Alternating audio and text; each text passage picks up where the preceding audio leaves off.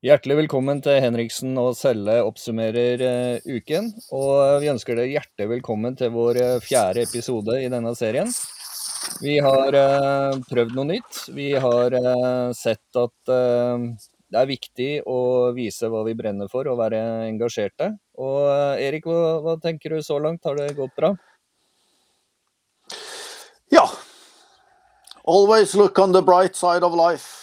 Ikke sant? Og det gir oss jo også muligheten når vi får eh, respons fra dere, fordi det viser seg også at uh, alle våre plattformer der vi er tilgjengelige, om det er Spotify eller Apple Podcast eller YouTube eller hva det er for noe, så er det et engasjement. Uh, det er kommentarer, det er spørsmål folk liker, og de deler det vi snakker om. Og det er jo noe av det som gjør at vi er engasjert i hverdagen, for å si det sånn, er nettopp det brennende hva skal jeg kalle det, eh, engasjementet for å få til et eh, bedre samfunn. Og eh, Erik, vi hadde tenkt å introdusere noe nytt i dag. Vi skal vel kanskje ta det litt mot slutten, men vi hadde lyst til å begynne å dra fram noen bøker. Ja. Eh, altså, kunnskap er jo nøkkel til makt. Eh, kunnskap er nøkkel til forståelse.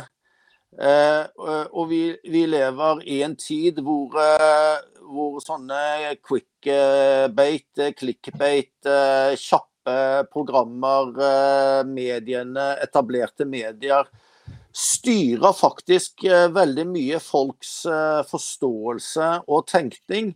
Jeg var faktisk i en, et møte med en, si, en samfunnskommentator denne uken. Eh, hvor vi eh, samtalte litt om en del av de eh, store tingene som pågår. Og jeg henviste da til, til en, en, bok skrevet da av en forsker. Og fikk til svar at ja, men jeg leser ikke bøker. Og da tenkte jeg at hvis vi lever i en tid hvor folk har sluttet å lese bøker, da, da har Det er rett og slett en trussel mot demokratiet. Eh, fordi at eh, Hvis du ser på mediene, så er det stort sett det samme budskapet i mange kanaler. Eh, mainstream media de jakter i flokk, og de melder i flokk. Og fordi man da hører det samme budskapet mange steder, så tror man at det er det mange som mener. Mm. Og man tror, at, altså man tror det er sant. Og Derfor så tenkte jeg at jeg har lyst til å slå et slag for bøker. Eh, og vi har masse bøker, masse spennende, gode bøker som er skrevet av masse gode folk. Eh, eh Asle Toje, jeg har lyst til å presentere triologien hans. Vi, har masse spennende bokting. Så vi skal introdusere én bok, kanskje to, hver fredag som vi anbefaler folk å lese, og som vi selv har hatt stor glede av, og som vi mener er viktig for samfunnsforståelsen. Helt klart. Og uh, jeg starta ut uh, med å ikke lese noe særlig bøker, til å bli uh, kjempeengasjert. Fordi det ga kunnskap, det ga innsikt. Ikke minst så ga det meg en forståelse av verden jeg lever i. Så jeg gleder meg til den første boka nå litt senere i dag. Men først og fremst så, så, må vi dra innom litt hva som har skjedd denne uka. Og allerede nå 1.6 så ser vi det at noe vi advarte mot allerede i 2020 så er det dette som gjaldt endringa i paragraf 185. Og eh, her viser det jo seg at uh, man blir anmeldt nå for å rett og slett si at uh, menn kan ikke bli kvinner og mødre. Eller hun skrev, Kristina Ellingsen skrev det på Twitter. Hun, litt senere i uka så kom det også fram, hun satt fire timer i et avhør pga. denne anmeldelsen. Og du, du blei jo invitert til Stortinget, Erik, og, og, vi var vel det eneste partiet som eh, var inne på høringa når de begynte med denne? Kan ikke bare dra oss litt hurtig gjennom uh, den? Jo, vi, uh, altså Partiet De kristne har advart mot denne her fragmenteringen av lovverket. altså, The road to hell is paved with good intentions. Eh, denne hatparagrafen begynte jo med en god intensjon om at man skulle eh, si, skjerme sårbare grupper i samfunnet mot eh, liksom hat og overgrep, og hvem kan være imot det. Men i det øyeblikket loven ikke lenger er lik for alle, så kan veldig fort eh, tidligere offergrupper bli de nye overgriperne. Eh, og det å fragmentere lovverket sånn at det er spesielt vern mot å beskytte noen grupper fra hat. Eh, vår eh, innstilling er jo at ingen skal bli diskriminert, og ingen skal bli utsatt for hat. Uansett hvem du er eller hva du gjør. Og Det var vår intensjon, det var våre anliggende mot paragraf 185, fordi vi visste at dette er en sovjetparagraf. Dette er en paragraf som vil bli brukt politisk, og dette er en paragraf som vil bli brukt for å kneble ytringsfriheten. Fordi hvem som helst i de gruppene som er spesifikt nevnt, kan påberope seg da eh, krenkelse eller sårethet, og så er man tatt, eh, er man tatt ut av debatten. Eh, og Det var veldig interessant i den høringen i Stortinget at de kristne var faktisk helt enig med en eh, relativt ny interesseorganisasjon for homofile og lesbiske. Eh, jeg var helt enig i, i, i vurderingen av hatparagrafen med dem. Og vi var også helt enig med en, relativt ny feministorganisasjon. hvor de faktisk allerede da hadde en rettssak gående fordi en kvinne følte det svært ubehagelig at en, eh, en eh, hva skal jeg si, transperson, altså en biologisk mann, hadde gått inn da i en eh, garderobe for kvinner og ble bedt om å forlate garderoben, for dette var for biologiske kvinner. Og politianmeldte denne kvinnen for hat og trakassering for at han som biologisk mann ikke fikk være i kvinnegarderoben. Og, og, dette viser jo da hvor problematisk denne loven er. Eh, og eh, når vi faktisk eh, da har kommet i en situasjon hvor du sitter fire timer i politiavhør for å ha skrevet på Twitter at menn kan ikke bli kvinner og mødre. Altså det er bare en, er, altså Hun bare på en måte sier det mest selvfølgelige som alle har lært i biologien på skolen og som er menneskets historie i eh, tusener av år.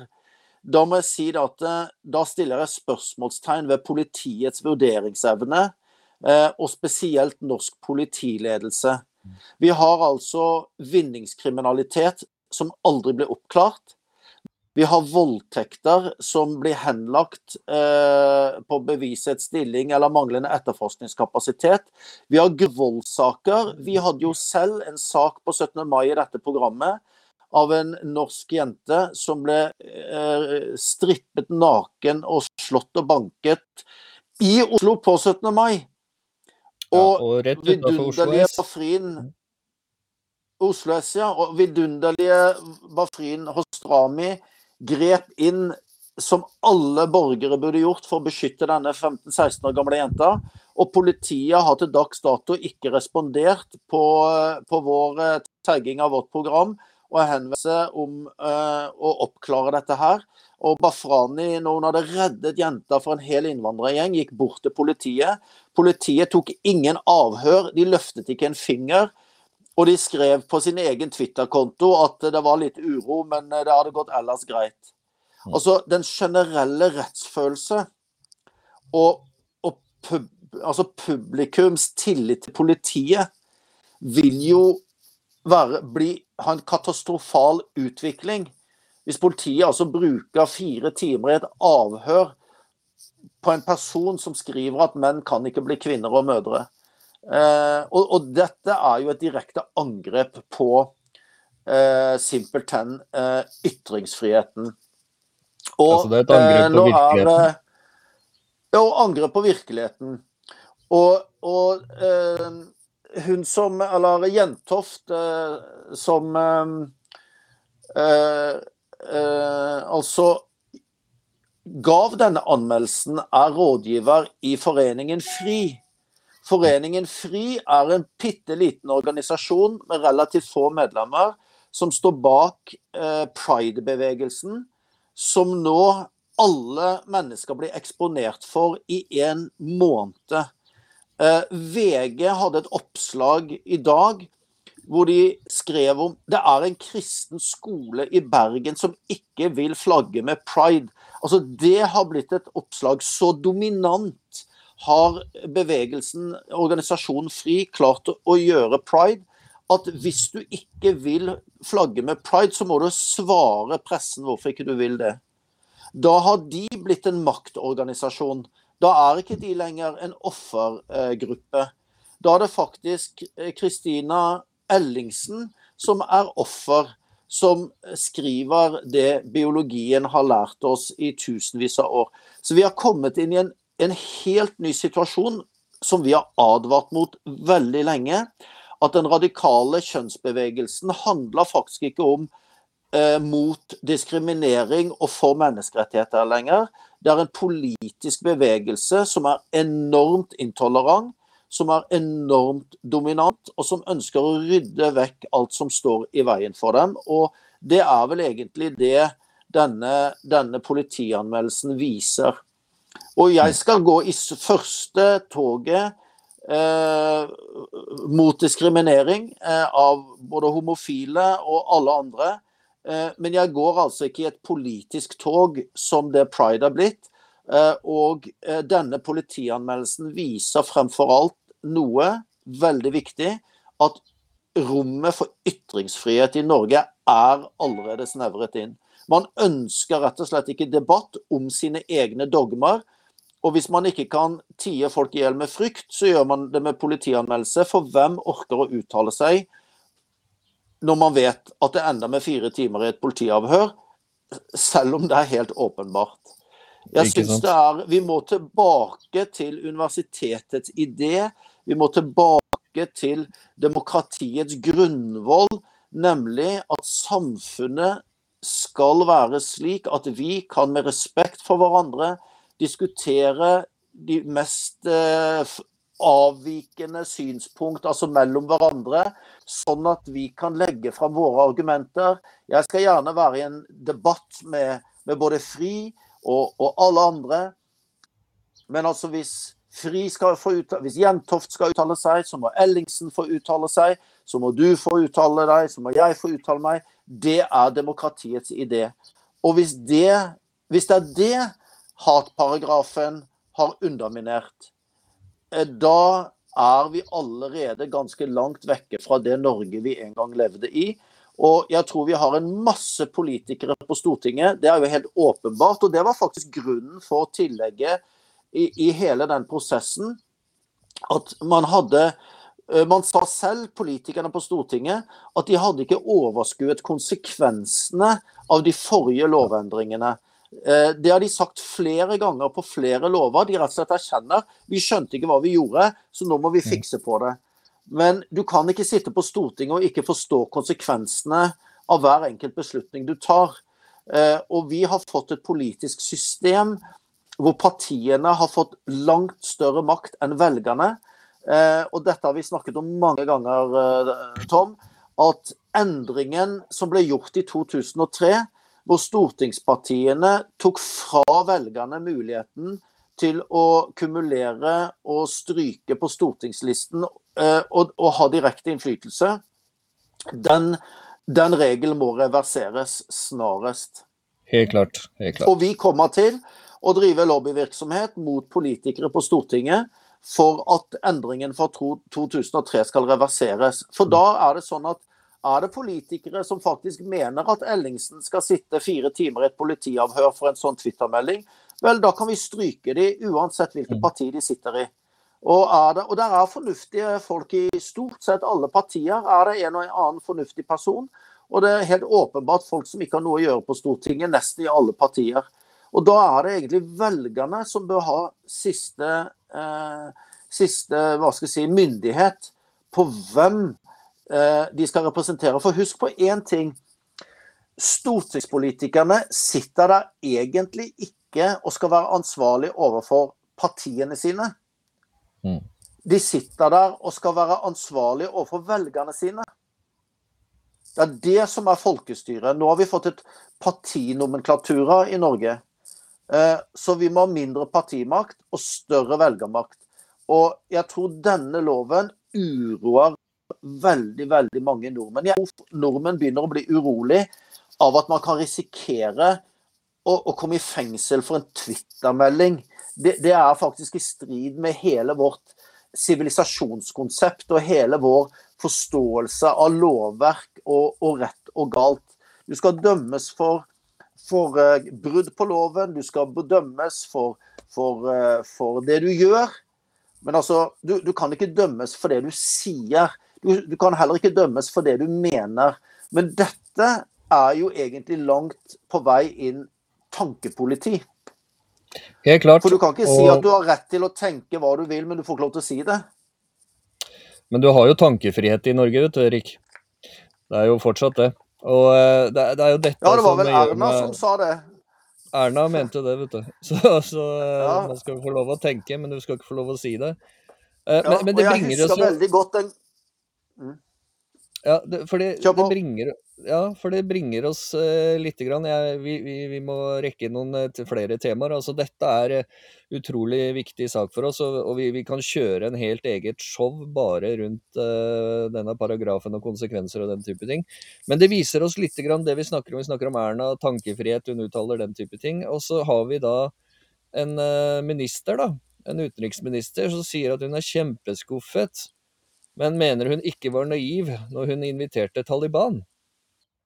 Og da er vi jo ja. igjen over på? Altså, vi har regimer, vi har eh, land som vi ikke ønsker å identifisere oss med når det gjelder overvåkning, eh, ytringsfrihet og den type ting.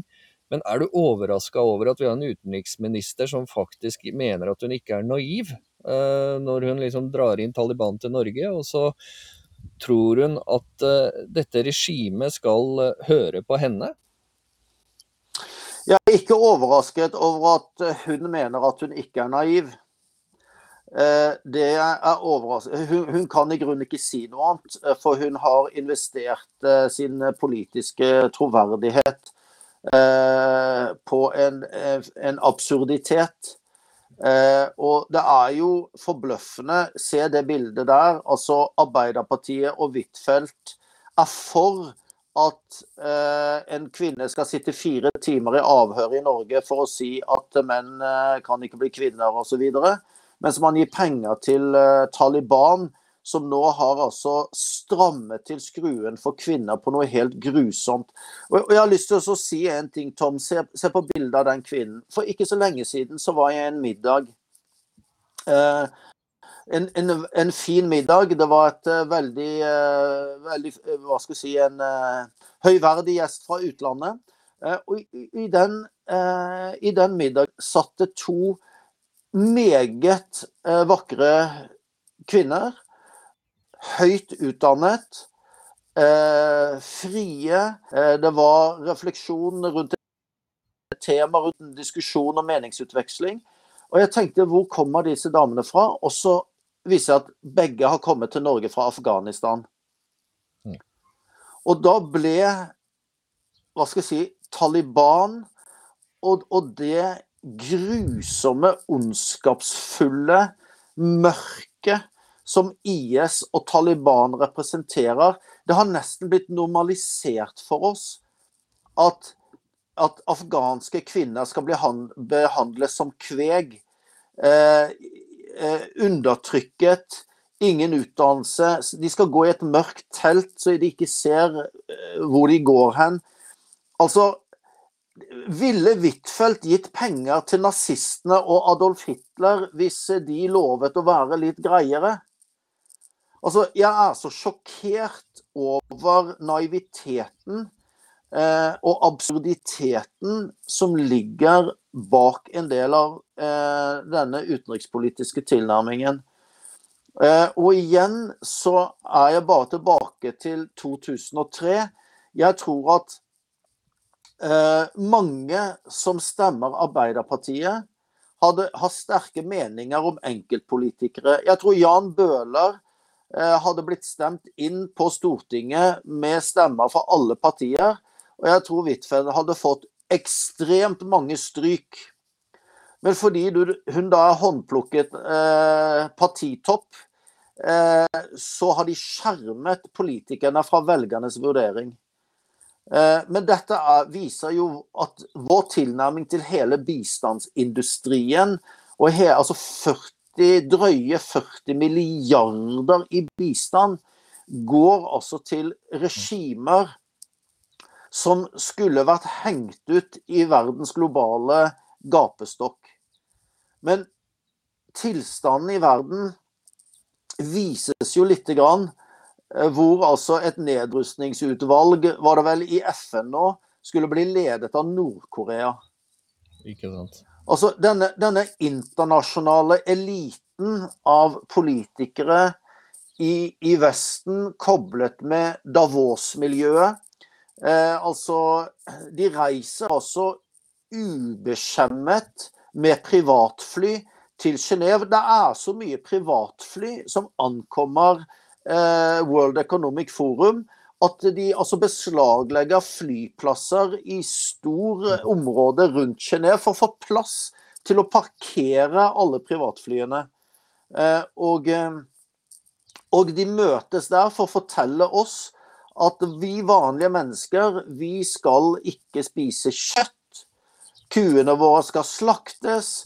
Eh, nå har vi fått lov til å elbil, kjøre elbil en stund, men nå har de sørget for, og det er overlagt politikk, bensinprisene og strømprisene. Nå raser inkassosakene i været for vanlige mennesker, eh, for bedrifter som har planlagt våre liv etter de rammebetingelsene eh, politikerne har gitt oss. Og så endres de rammebetingelsene dramatisk over natten som gjør at helt vanlige mennesker kommer i en skvis, og vi skal gå rundt og betale mer penger for å ta et fly til Syden for å få oss litt sol. Mens disse menneskene de betaler jo ikke noe flyskatt, for de reiser stort sett med privatfly allikevel. Eh, og her i dette miljøet trives Erna Solberg, Børge Brende, Espen Barth Eide, Anniken Huitfeldt, eh, Jonas Gahr Støre. Eh, og så har vi en klimafanatisme og en globalisme som rett og slett har blitt menneskefiendtlig. Mm. Helt klart. Og, så, så, det er så mange ting som henger sammen. Men bare for å avslutte. Jeg er, jeg er bare så opprørt over denne Taliban-støtten eh, til, eh, til, denne regjeringen. Og så med rette så kommer du ikke unna hvis du kaller deg nazist i dag.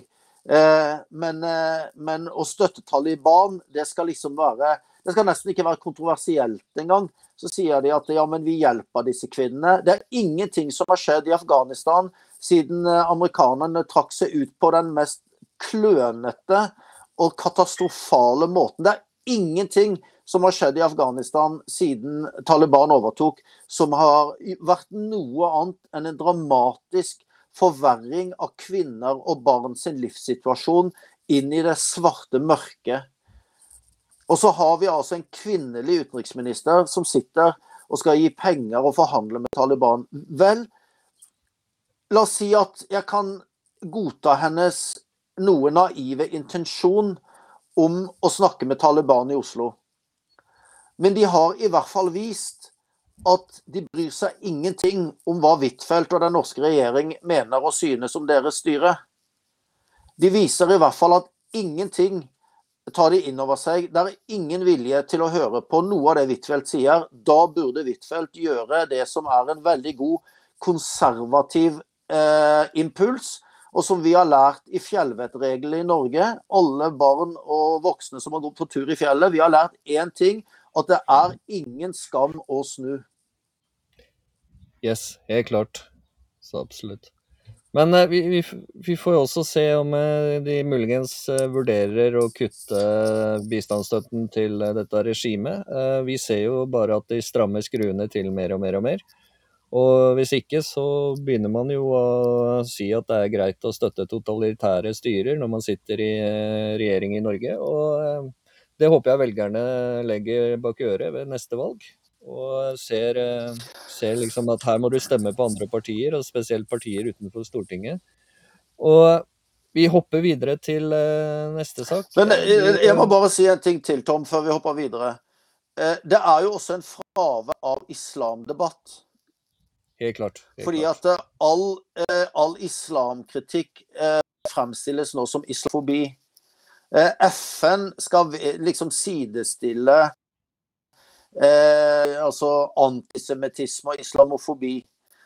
LO vedtok denne uken boikott av Israel og erklærte at den mest demokratiske og frie nasjonen i hele Midtøsten for jøder, kristne, muslimer, arabere, drusere, beduiner, you name it, det er en apartheidstat. Hvorfor var ikke tema på LO eh, Taliban? Hvorfor var ikke tema på LO Jeg har sittet i 45 grader i Jerusalem og gått ved siden av og sittet ved siden av kvinner som går i full shador. Eh, ser bare så vidt øynene deres. De har strikkeluehansker eh, på hendene i 45 grader fordi ingen menn skal se huden deres. Altså Når LO skal fordømme Israel som apartheidstat uten å diskutere dette kvinnesynet i islam, så mister jeg simpelthen all respekt. Og jeg vil bare understreke for alle som har tenkt å si, eh, begynne å komme med merkelapper, at jeg har nesten ukentlig møter med mine muslimske venner i Norge eh, som sier det samme. Så islamkritikk er underordnet. Og hvem, hvem, er det som er mest redd? Jeg har jobbet i Bosnia eh, blant eh, i, i, den muslimske delen i, i Bosnia. Eh, I militæret for mange år siden. Og En dag så kom det en på mitt kontor. Han var, muslimsk, han var muslim. Eh, en herlig fyr. Han hadde to døtre. Og han kom til meg og sa Erik, jeg er så redd for fremtiden. Mm. Ja, hva er du bekymret for? Jo, Saudi-Arabia bygger moskeer over hele Bosnia. Og nå krever de Jeg er redd for at jeg må putte hijab på jentene mine. Altså, hvorfor er det ingen Hvor er engasjement Hvor er feministene? Hvor er kampen for disse kvinnene?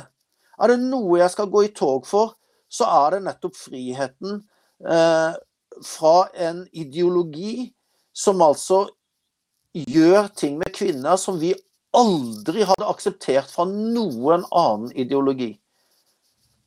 Helt klart. Helt klart. Og, det er jo dette som er litt sånn skremmende med det samfunnet vi utvikler. Det er at uh, enkelte temaer skal ikke diskuteres i det offentlige. Uh, gjør man det, så skal man stemples, henges ut, uh, kanselleres. I det hele tatt rett og slett skyves ut av samfunnet den debatten må vi ta opp igjen. Og, det er jo noe av dette vi prøver gjennom programmet vårt. I tillegg så skal vi prøve å sette enda mer fokus på disse tingene gjennom bøker vi kommer til å anbefale. Eh, ikke minst fordi vi er nødt til å ta tilbake diskusjon. Altså når vi gikk på universitetene, så var det jo der for å kunne diskutere med sine medstudenter om alt og ingenting. Komme med forskjellige ideer, tanker. Altså jeg husker jeg hadde jo diskusjoner med alt fra marxister til nesten langt ut på ytre høyresiden. Altså, det var jo kjempeålreit. Du fikk utvida forståelse av samfunnet du lever i. Men det er tydelig nå at vi skal inn i et system som ikke syns dette er ålreit. Vi var innom WHO og WEF, World Economic Forum og World Health Organization, på forrige runde.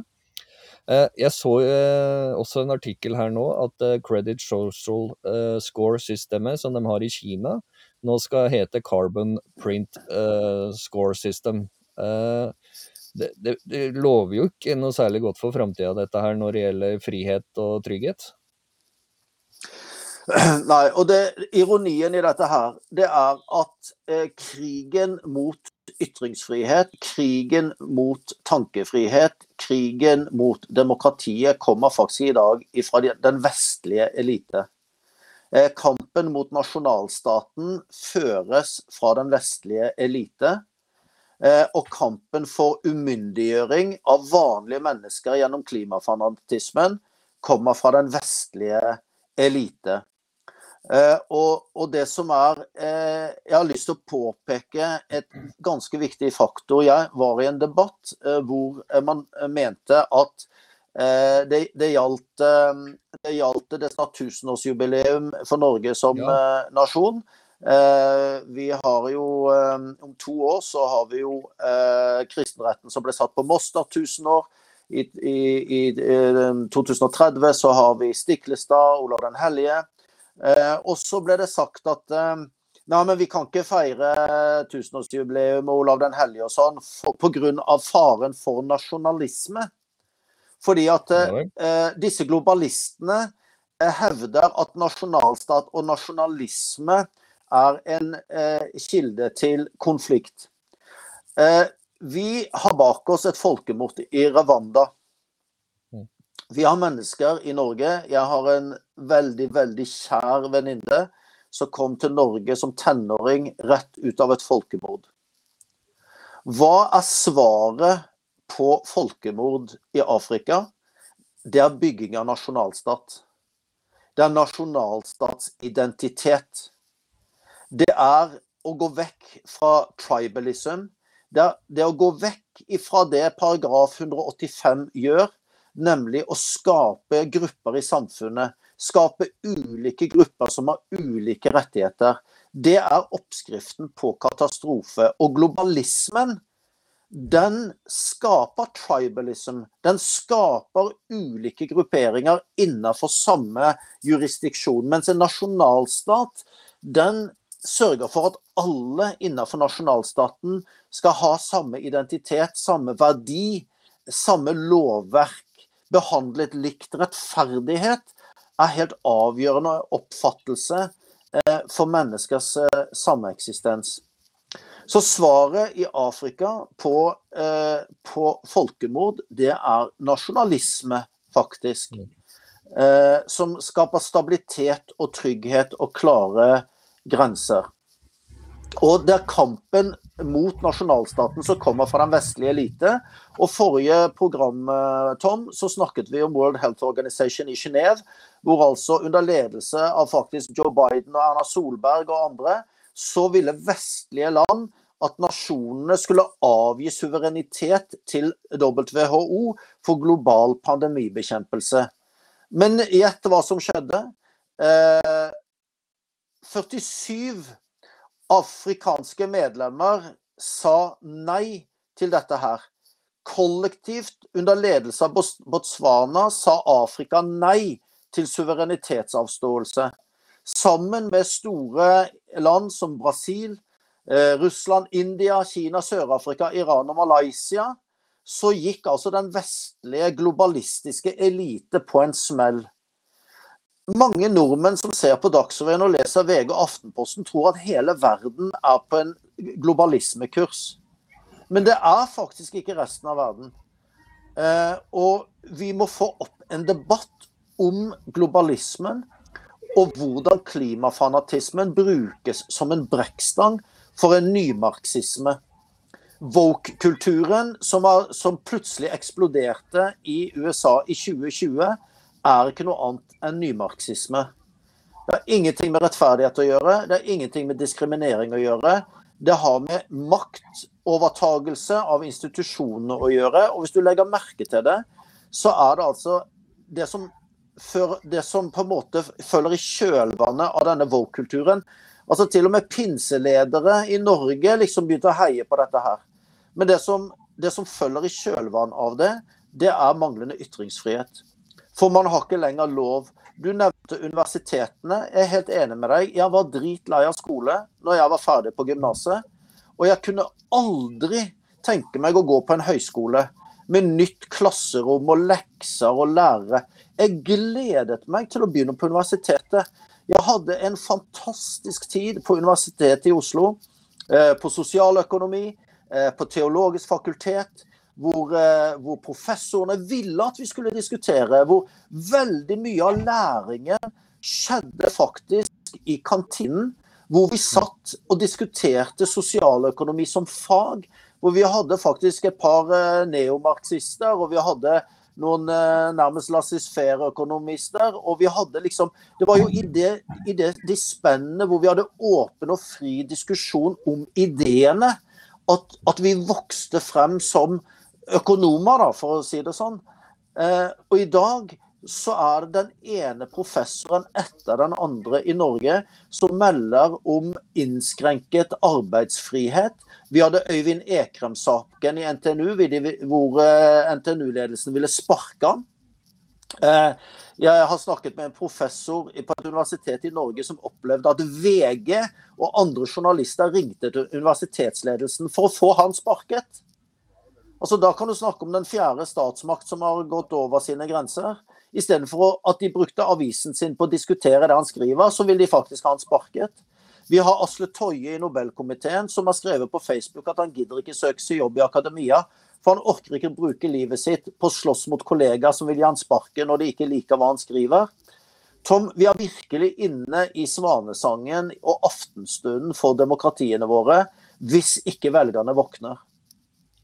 Ja, og det håper jeg de gjør, fordi at det, det avdekkes hele tiden uh, nye saker som viser hvordan byråkratiet er, hvordan det politiske er. Uh, ny lov, akkurat nå vedtatt i Stortinget. Du skal ikke lenger kunne Riksrevisjonen skal ikke lenger kunne sende lovbrudd eller mistanker om lovbrudd til politiet. Det betyr jo i tillegg til at politikerne har lov til å lyve, den paragrafen ble endra for mange år siden i norsk lovverk, i tillegg så får du da også fritak fra å bli meldt til politiet når du blir revidert om det du har gjort er i henhold til gjeldende regelverk. Altså vi, vi, vi, ser en gryende start på et styresett som vi ikke ønsker. I tillegg så ser vi disse Våg, du nevnte alt dette her. Altså marxisme, sosialisme, der man ønsker ettpartisregimer, har kommet i mange forkledninger. Alt uh, fra fra Kinas systemer til Cuba, til uh, utslettinga nede i Kambodsja osv. Altså, den tar hele tiden nye mm. former. Vi, vi, vi, ser nå en ny form, den heter woke. Uh, og mm. kansellering, overvåkning og i det godes navn. Alltid i det godes navn. Uh, mm. Dette her håper jeg nå at flere enn oss begynner å legge merke til, fordi det står i avisene. Det sies på radio.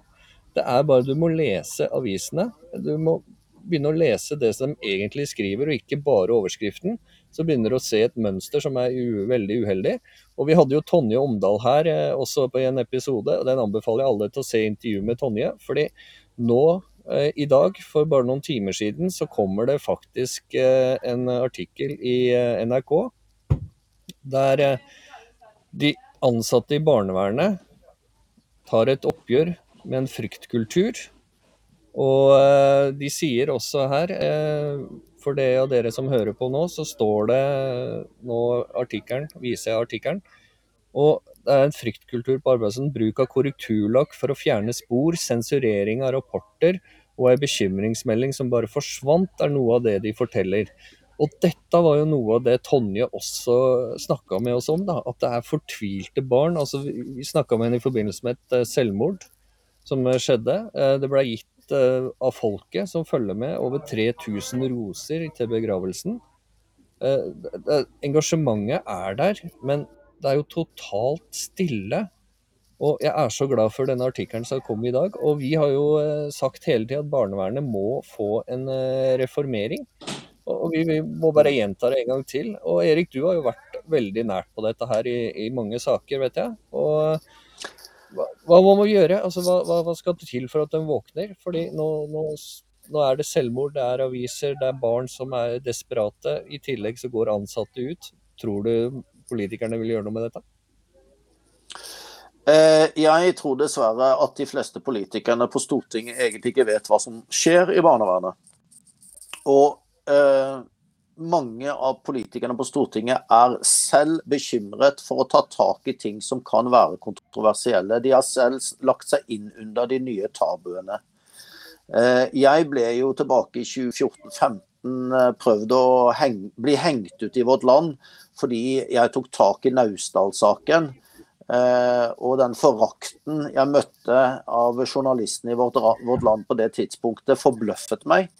Eh, og eh, det var jo det beste som har skjedd meg, at vårt land gjorde det. For siden har jo jeg sett inn i en verden jeg ikke trodde eksisterte, og som antageligvis vårt land ikke skjønte eksisterte heller. Min utfordring til vårt land, akkurat avisen Vårt Land, det er å be meg om unnskyldning og begynne å sette seg inn i disse sakene. Jeg har akkurat sittet denne uken med en ung voksen eh, som har vært i barnevernets omsorg. Eh, og, og det, det, var, det, var, rett, hun trengte å komme i barnevernets omsorg. Men det, eh, det De grusomhetene hun møtte under barnevernets omsorg, det var det ingen som kunne redde henne fra. eh, overgrepene i fosterhjemmet eh, og barnevernets da eh, håndvasking eh, Hun har altså falt mellom to stoler fordi barnevernet vil ikke ta ansvar for, for det. Hvem, hvem, skal redde barn som trenger å bli reddet fra barnevernets omsorg? Det har vi ingen det, er det, det har vi ingen aktivitet for. Ja, denne, denne, dette unge mennesket har altså en privat gjeld som er ganske stor, fordi at barnevernet plutselig gadd ikke begynne å betale Lyd på, på Erik. Ja vel, er jeg tilbake der var vi, nå? Da var vi, til, ja. var vi tilbake igjen. Uh, ja. Jeg har sett det tekniske er ikke alltid like lett. Ja. ja jeg har sett dokumenter hvor uh, barnevernet har faktisk brukt, brukt Tippex i dokumentene. Jeg har sittet nå med flere eh, unge mennesker som opplever at dokumenter har blitt borte. Og jeg, opp, jeg, har sittet med unge mennesker hvor barnevernet totalt fraskriver seg et ansvar som de selvfølgelig burde tatt. Eh, jeg har selv jobbet på en barnevernsinstitusjon. Eh, akuttmottak for barnevernet. Jeg vet at det er tilfeller hvor faktisk man må innføre et akuttvedtak. Jeg fikk en eh, toåring i hendene ut av en politibil som politiet hadde funnet i et narkoreir i Oslo. Dette lille barnet hadde antageligvis ikke blitt skiftet bleie på på et par dager. Eh, og satt der mens voksne lå strødd rundt med narkotika. Så vi snakker ikke om at ikke vi forstår at det er eh, barn som absolutt trenger å, eh, å, å bli tatt over omsorgen til. Men vi snakker om et barnevern som har kommet ut av kontroll. Og det betyr ikke at ikke det finnes gode barnevernskontorer. Det betyr heller ikke at ikke det finnes gode folk som prøver å gjøre sitt beste. Men det er alltid sånn at hvis mennesker får veldig mye makt, og det er veldig lite eller dårlig oversight, altså kvalitetssikring av den makten, så kan den gå veldig feil. Og det er det vi sier for mange tilfeller av i det norske barnevernet. Så vi, vi har satt følgende Jeg skrev til barne- og familieminister Solveig Horne i 2015 at man burde opprette en nasjonal Jeg kalte det en Mandela-kommisjon. Rett og slett en nasjonal ankeinstans for alle barnevernsofre. Og alle som har vært involvert i barnevernet som følte at barnevernet har gjort feil vurderinger. Ikke for å ta barnevernet eller straffe barnevernet i første omgang, men for å sikre mennesker en, en, eh, en rettferdig mulighet til å bli hørt. Denne kommisjonen skulle bestå ikke bare av psykologer som er avhengige av fortsatt eh, tjeneste og lønn fra barnevernet. Den skulle bestå av vanlige besteforeldre, vanlige foreldre, og jeg anbefalte en og annen eh, politiker eller person fra utlandet som kan se dette komplekset utenfra. Eh, det ble totalt avvist. Jeg fikk svar, men det ble avvist. Eh, Marita Moltu gjorde noe lignende da hun var varaordfører i Bergen. Fordi de opprettet i Bergen et utvalg som på selvstendig grunnlag kunne se på og gå inn i barnevernssaker. Det tror jeg nå er helt nødvendig å gjøre nasjonalt. Og så tror jeg det er helt nødvendig at eh, akkurat som Riksrevisjonen kan gå inn og se på Stortinget, og akkurat som politiets eh, spesialenhet eh, skal på en måte være eh, vakthunden for politiet, så må vi få en helt uavhengig, permanent eh, eh, instans som kan, kan være vaktbikkje for barnevernet. Som når som helst kan gå inn i akkurat hvilke saker de vil, i hvilket barnevernsetat som de vil, for å se at ting gjøres ordentlig. Og da vet enhver barnevernssjef, og da vet alle de som nå var i denne NRK-artikkelen som, som, påpeker det som feil, de vet at det vil komme en inspeksjon, rett og slett, på om arbeidet gjøres ordentlig. Og de som sitter i den eh, inspeksjonsgruppen, skal være mennesker som ikke har noe økonomisk bindinger til noen beslutninger. Ingen karrierebindinger eh, til noen av disse beslutningene. Og så mener vi det at eh, barnevernet selv skal ikke kunne vedta eh, akuttovertagelse. Det, vi må ha 24 timers dommertjeneste i Norge. Sånn at hvis et, hvis et barnevern opplever faktisk en så alvorlig situasjon at de må ta barnet, så er det et telefonnummer de kan ringe direkte til en dommer, som de må presentere saken for. Og det er han som tar beslutningen. Det vil si at omsorgsgiver ikke er maktutøver. Helt riktig. Og, og, og, dette er jo noe av de tiltakene som Altså det er strakstiltak vi snakker om. Fordi dette er uh, alvorlig. Uh, det, det, det, fører til uh, stor fortvilelse dyp fortvilelse, eh, mentale lidelser eh, som er altfor dårlig eh, tatt hensyn til i Norge på alle mulige plan. Det er en eh, sak for en annen dag. Eh, vi diskuterte det litt ja. tidligere i uken på TV og radio. Og jeg, jeg tror dette er kanskje noe av det mest oversette, neglisjerte, ihjeltidde eh, området i norsk eh, politikk eh, på nåværende tidspunkt er nettopp alle de tingene som foregår i det skjulte og som dekkes over, og som har tragiske utganger. Sånn. Ja, og Som jeg sa forrige gang, Tom, jeg har selv gått på norsk internatskole i utlandet.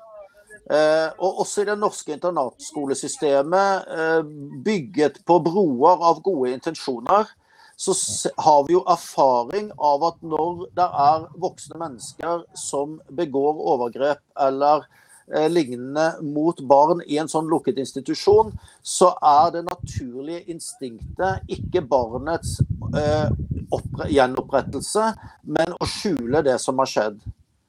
Eh, og eh, det har vært en voldsom, hva skal jeg si, nødvendig oppvask. Eh, nå, nå, har man ikke Dette kom jo fra det britiske inspirasjonen av boarding schools. Eh, så disse, disse, ungdomsinstitusjonene til barnevernet er egentlig samme kategori. Og da kan det ikke være de som styrer og leder disse institusjonene, som selv skal avgjøre kvaliteten på hvordan disse barna har det. Eh, har, Tonje Åndal har vært med på å gjøre meg oppmerksom på hvordan vi har mange som blir traumatisert for livet av barnevernet i barnevernets omsorg. Og de har ingen som hører på dem. Og hvis du og jeg tar opp kampen for dem, så blir vi kalt barnevernskritikere. Og hvis Tonje Omdal prøver å være eh, deres røst, så kommer politiet på døren. Eh, dette er, en, eh, dette er en, et system som minner oss om tider som ligger bak oss. Men du vet, det er, det er lett å dømme fortiden. Vi er alle eksperter på andre verdenskrig. Det er langt vanskeligere å ta tak i vonde og smertefulle ting i vår egen samtid. Eh, og regjeringen som har eh, bedt om unnskyldning til den ene og den andre gruppen, eh, bør faktisk gjøre det samme overfor mange som har fått livene sine ødelagt faktisk av barnevernet. Helt klart. Og for å hoppe litt videre, vi skal prøve å holde oss til en, rundt en time. Og så, så, kom det også eh, denne uka en sak som ligger vårt hjerte veldig nært. Det er abort. Og vi, vi, ser jo nå at nå skal det utvides. Vi har allerede tolvte uke. vi ser at de nå ser ut til å begynne å lande på 18 uker. Og Erik, dette var egentlig litt overraskende at det ser ut til kan være flertall?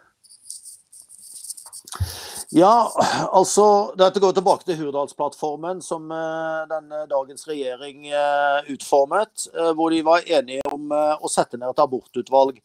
og Arbeiderpartiet vil utvide til uke 18 som abortrettighet, mens Senterpartiet vil stå på dagens lov om uke 12. og det kan med stor sannsynlighet ende i uke 18, og det er jo en katastrofe for barnet i mors liv. Ehm, vi vil jo eh, Vi vil jo eh, Vi, vil jo, vi er jo imot denne abortloven og, i, i, sånn som den er, så vi vil jo ha den vekk. Eh, og vi vil sikre barnets rett til liv, simpelthen. Eh, og eh, jeg, minnes eh, en debatt jeg var i i en valgkamp i et fullsatt verdensteater oppe i Tromsø, hvor debattleder begynte veldig aggressivt på å angripe PDKs abortståsted. og jeg sa det at altså i Danmark så fødes det nesten ikke barn med Downs syndrom lenger. Uh, og en kultur som tar livet av sine barn, en kultur som, som uh, hvor Downs syndrom-mennesker ikke overlever tiden i mors liv, det er, det er, et ganske brutalt samfunn som ikke jeg er enig i eller, eller vil, vil, støtte. og hvis aborttallet Ja, men hva med, hva med incest og voldtekt og sånn? Så, men vi vet at det er en så forunderlig liten del av de som tar abort, at hvis man, altså hvis man fjerner abortrettighetene eh, bare for eh, sosiale eh, økonomiske henseener, og så kan vi diskutere de ekstremcasene separat, for det er klart at det innebærer en helt rekke ting. Eh, så vil vi være med i debatten og rette fokus på barnets rett til liv. Men det er nok dessverre flertall muligens for å utvide abortloven. Og det viser litt tilbake til det vi har snakket om eh, tidligere, at det har kommet en symbiose mellom den ekstreme verdiliberalismen og marxismen. Altså, på en måte så har Eh, det som egentlig Hvis vi ser bort ifra sånne populistiske, eh, innholdsløse begreper som ytre høyre og sånn, som bare brukes mm. eh, for å brunstemple alle mulige mennesker. Hvis vi ser på økonomisk teori, da, og hvis vi ser på, på, på, på ideologiske prinsipper, så er, kan du si liberalismen, da, verdiliberalismen Liberalismen, når den mister sin konservative eh, grunnvoll, så mm. er sirkelen rund. Da møtes den ekstreme verdiliberalismen marxismen. Og det er det vi ser over hele den vestlige verden. Eh, det er jo det som er woke-kulturen. Er jo lederne i woke-kulturen i USA er marxister, de er neomarxister, men de omfavnes av de ekstreme verdiliberalistene som har mistet den konservative grunnrollen. Eh, og, og, det er kanskje det som gjør, utrolig nok, at eh, denne abortloven, endringen, kan få flertall. Fordi venstresida vil være enig med et Høyre som ikke er lenger konservativt. Ikke sant? Et Venstre som ikke er konservativt. Begrepet borgerlig og sosialistisk gir nesten ikke mening mm. lenger i norsk politikk, fordi de parameterne som definerte hovedforskjellene mellom borgerlig og sosialistisk, er egentlig utvisket. Og det man ser, det er at Høyre, med sitt haleheng av eh, spesielt Venstre og KrF og halve Frp, de er egentlig helt enig med toget som ledes av Arbeiderpartiet, med SV, MDG og Rødt eh, på den andre siden. Om, I dag så flokka velgerne plutselig til Høyre og KrF og Venstre igjen, i opprør mot dagens regjering. Men eh, de samme velgerne gikk jo fra borgerlig side til dagens regjering fordi de skjønner ikke at de er frustrert, men de får det samme. Fordi det må komme nye alternativ opp. Og det er jo håpet at eh, det som gjenstår av konservativitet i Fremskrittspartiet, sammen med det som gjenstår av konservativitet i Senterpartiet, faktisk, eh, sammen med partiet De kristne og andre gode krefter, kan reise et tredje alternativ i norsk politikk, som er en konservativ grunnvoll for nasjonalstaten, for familien, for individets både rettigheter og plikter, for trygghet, eh, for økonomisk bærekraft til borgernes beste. Eh, mot globalismen, mot klimafanatismen, mot normoppløsningen. Og det bringer oss jo rett inn til eh, det nye segmentet vårt, nemlig en bokanmeldelse. Og eh, du, du, sendte meg, var det i går kveld, eh, så var det liksom her var det to tips. Og eh, et av de tipsene skal vi i så fall begynne med i dag. Kan ikke du fortelle oss litt om hvilken bok du har funnet fram her nå? Det er 'Conservatism A Rediscovery' av Joram Hatsoni.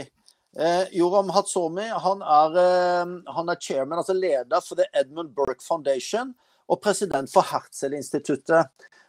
Edmund Burke er jo en av liksom, konservativismens fedre fra England. Og vi har snakket om jødekristne verdier, jødekristen sivilisasjon. Altså hvordan den hva skal vi si, den amerikanske konstitusjonen, eh, den hva skal vi si, anglosaksiske, dominerte vestlige verden har gitt mennesker større frihet enn noen sivilisasjoner før dem.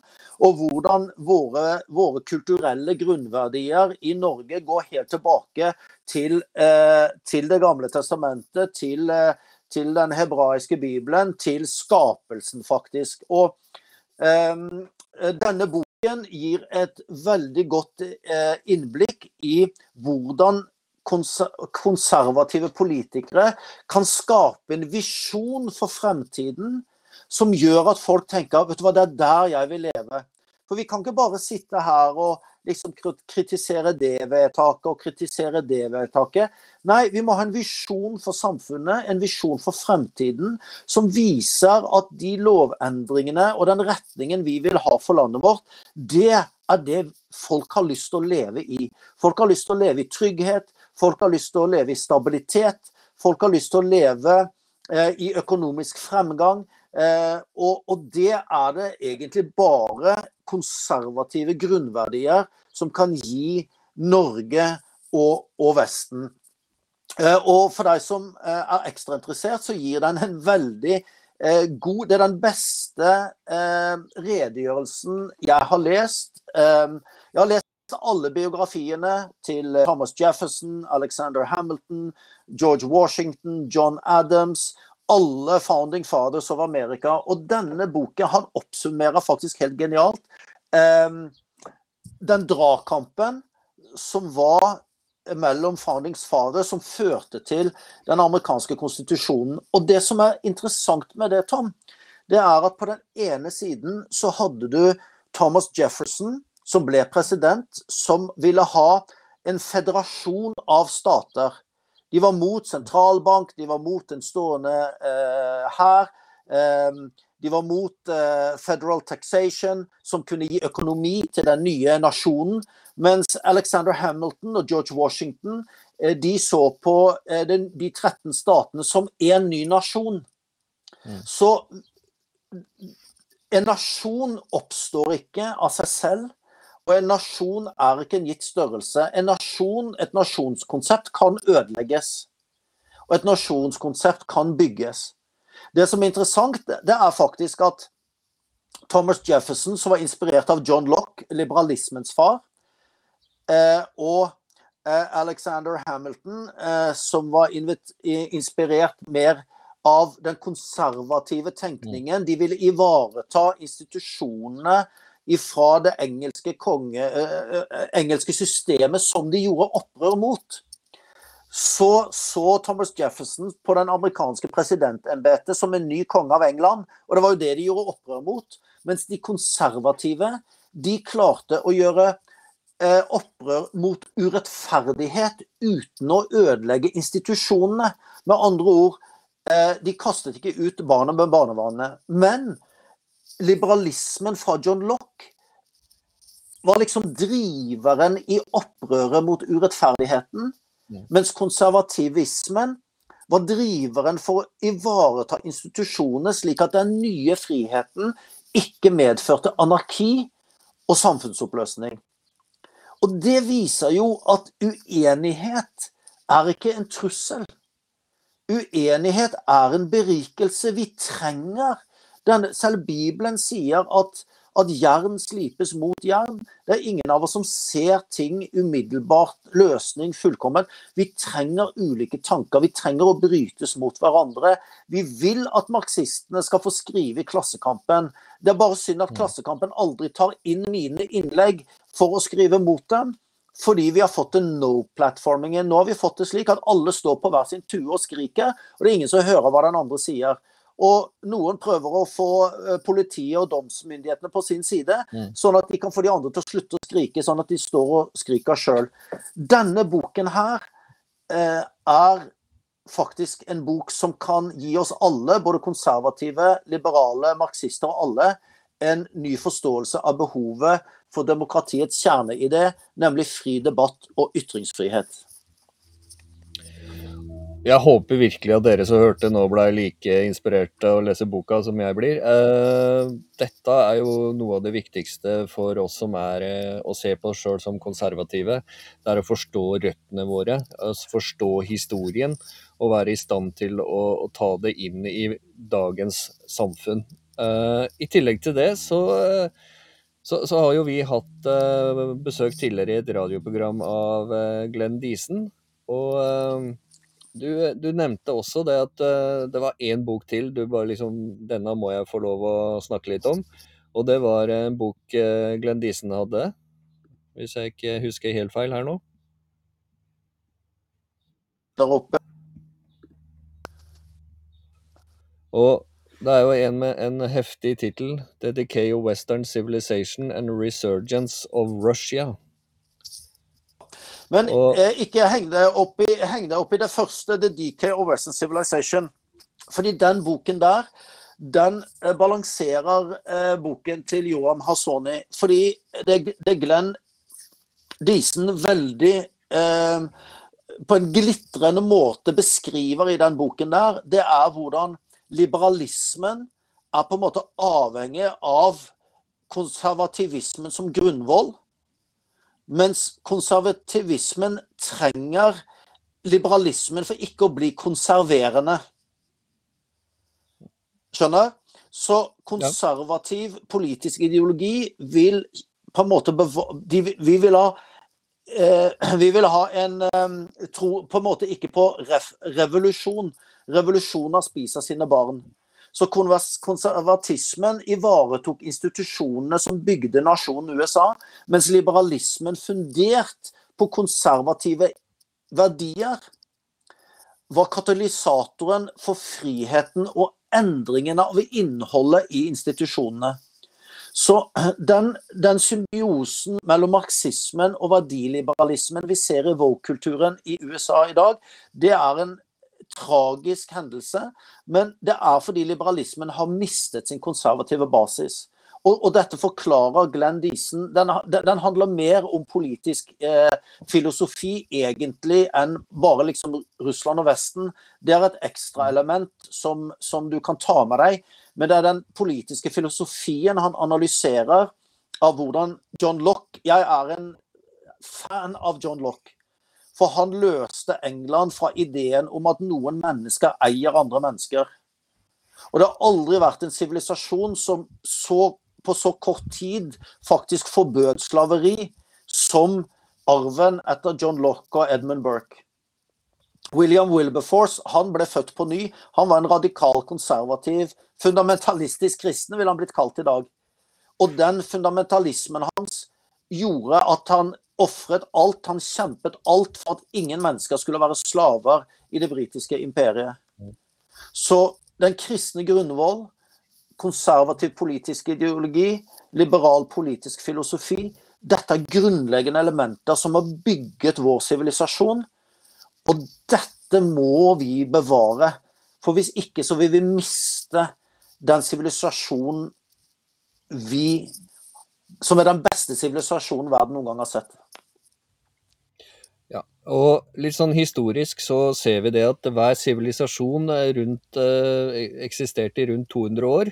Så begynner det med en nedadgående spiral i verdenshistorien. Og, og, vi er på vei, og vi er kommet et godt stykke på vei, ned i en slik eh, spiral der man ønsker å ta et oppgjør med den sivilisasjonen som du akkurat nå sier har vært den beste sivilisasjonen. Og sørge for at eh, det skal innføres en ny eh, sivilisasjonsforståelse for hvordan vi skal eh, sameksistere som et globalt samfunn, istedenfor å beholde det som har fungert. Og disse bøkene de, de er absolutt verdt å lese og bruke litt tid på, og ikke minst reflektere over. Det er ofte at det kommer en del gode refleksjoner ut av det. Og er du som oss, så, ser du at eh, ok, her ligger det mye løsninger på hvordan vi kan eh, skape et godt, trygt og fritt samfunn framover. Vi nærmer oss eh, slutten her nå, Erik. Er, er, det noe helt på tampen vi har glemt? Ja, jeg har, bare, jeg bare lyst til å ta Det er jo på en måte en ukeoppsummering. og Regjeringen vedtok jo med stort flertall og den såkalte nye forsvarsavtalen. Og jeg syns at det viktigste med den, det er hvordan dagens elitepolitikere har tilslørt den prosessen. Da jeg møtte dette første gang for to år siden, da jeg var i en debatt om den nye langtidsplanen for Forsvaret, Eh, så kom dette opp. Og jeg sa da i den debatten at da betyr det at dere går bort fra norsk basepolitikk. Norsk basepolitikk har vi hatt under hele den kalde krigen, helt til nå. Eh, og det betyr at eh, vårt forhold til Russland har blitt balansert mellom avskrekking og beroligelse. Avskrekkingen er at vi er helhjertet 100% med i Nato, har Nato-øvelser i Norge jevnlig men vi stasjonerer ikke eh, fast amerikanske styrker i Norge eh, for nettopp eh, beroligelseselementet. Jeg fikk klar tiltale av både ledende politikere og forsvarsmenn at eh, Erik Selle han er et eh, vanskelig eh, kar å ha i sånne debatter. Men den ene forskeren han egentlig erkjente at dette var sant. Eriksen Søreide eh, og eh, eh, det var vel Støre satt De kaller det for omforente områder. Dagens politikere har lest George Orwell som manualer for politisk arbeid, og ikke som advarsler. For man finner på nye ord, man finner på nye begreper som faktisk tåkelegger for velgerne hva de egentlig driver med. Og jeg skal gi honnør til Christian Tybring-Gjedde Eh, selv om jeg er uenig med Frp. Jeg mener at vi ikke skulle endret norsk basepolitikk. Jeg mener at eh, norsk eh, Det var mye klokt som ble gjort i norsk politikk etter krigen. Det var mye galt, men det var mye klokt. Basepolitikken er en av de kloke. Kristian Tybring-Gjedde sier i hvert fall etter at Stortinget mot Rødt, MDG og SV stemmer, alle borgerlige partier pluss regjeringspartiene stemte for, han sier i hvert fall at den norske basepolitikken er død. Eh, og det burde Sør, Eriksen Søreide eh, sagt. Det burde Høyres forsvarsminister sagt. Det burde, eh, det burde Arbeiderpartiet sagt. Vi mener at nå er situasjonen så kritisk overfor Russland at vi går bort fra basepolitikken vår og stasjonerer amerikansk personell i Norge. Det burde de sagt. Da kunne velgerne sagt noe. Men da tror jeg de hadde fått altfor mye motstand. Nå er saken vedtatt, og når den er vedtatt, så kommer en ledende politiker ut og sier at norsk basepolitikk er død. Dette hva hadde vi oppe. Tematikken her er at vi har en elite blant norske politikere som har en form for forakt for velgerne. Fordi velgerne er et problem for deres visjoner. Da har vi gått bort fra begrepet om folkestyre. Da har vi en, har vi en gruppe mennesker som opplever at det er, det er, deres naturlige rett å styre landet. Eh, eh, og velgerne eh, er ofte et problem for dem. fordi at eh, da har vi fått et nytt føydalsamfunn, og vi er på full fart inn i et embetsmannsverk. I 1884 så innførte man parlamentarismen i Norge. Da husker vi at det ble sagt 'all makt i denne sal'. Det var folkestyre. Det var folkets representanter som skulle styre Norge. I dag har vi en elitegruppe av politikere med et haleheng av medier som er med på å tåkelegge dette her.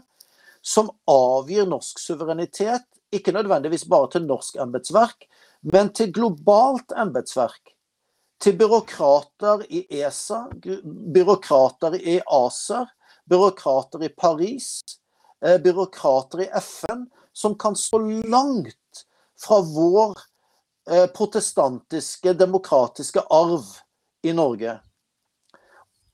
Og da er folkestyret underminert uten at de som har gjort det overlagt, noen gang egentlig har gjort det klart for velgerne hvilken kurs de styrer etter. Og Da er mitt avsluttende budskap i dag at vårt prosjekt med partiet De kristne det ser helt håpløst ut, Tom. Men vi gir oss aldri. Hvorfor det? Fordi at vi må ha en, vi må ha en renessanse av nasjonalstaten. Og vi må, vi må på en måte igjen revitalisere folkestyret. Og da nye partier inn på Stortinget, og vi må ha nye politikere inn på Stortinget. Det gjøres med to måter, som vi sa i sted. Reversere endringen fra 2003, så velgerne har direkte innflytelse på hvem som stiller fra de eksisterende partier. Pluss at nye partier som ikke sitter på Stortinget, blir likebehandlet i valgkampen og i medietilgangen, sånn at vårt budskap til velgerne ikke blir trenert av NRK, spesielt som er en statlig lisenskanal.